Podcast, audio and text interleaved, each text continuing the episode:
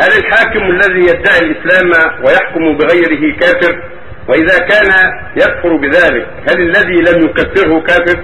تقدم السؤال هذا في الجمعة الماضية فيما يغلب على ظني وتقدم الجواب عن هذا وأن أو أنه يحتاج إلى تفصيل لأن الحكام الذين يحكمون بغير الشريعة قد يكونون يزعمون أنهم مضطرون وأن شعوبهم أو دول أخرى تضطرهم إلى هذا وأنهم يؤمنون بأن عملهم باطل وأنه منكر وأنه معصية ولكنهم اضطروا إليه وفعلوه كما يفعل سابقا شيوخ القبائل يحكمون قوانين أسلافهم.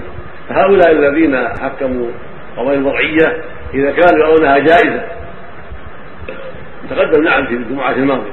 إذا كانوا يرون أن القوانين جائزة وأنها أفضل من الشريعة. أو أنها تساوي الشريعة. فهم كفار بهذا. جميع الأحوال الثلاث لأن قوانين ترى يعتقد أصحابها أنها أفضل من الشريعة. وترى يعتقدون أنها مثل الشريعة. إذا حكمها وحكمت كل واحد. وترى يعتقدون أن الشريعة أفضل وأولى. لكن هذه جائزة لا بأس بتحكيم القول الوضعية. ومن اعتقد هذا فهو كافر مرتد عن الإسلام نعوذ بالله.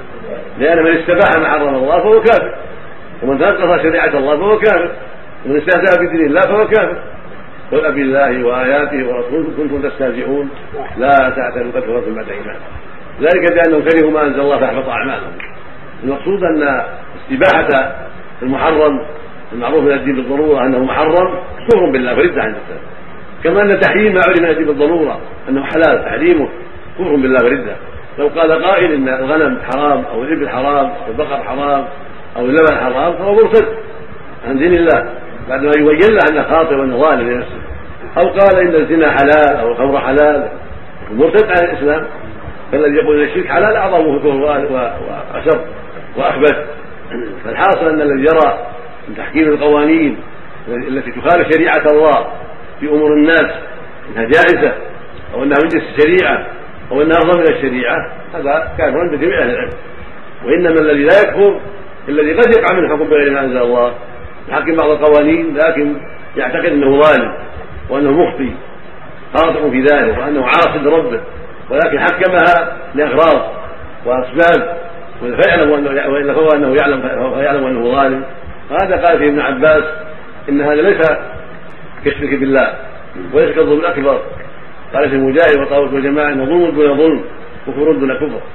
فالحاصل أن إذا لم يعتقد اباحه ذلك وإنما فعله يعلم أنه عاصي وأنه ظالم لنفسه وأن الواجب عليه تحكيم الشريعة فإنه لا يكون كافرا كفرا أكبر بل كفر أصغر وظلم أصغر وفسق أصغر.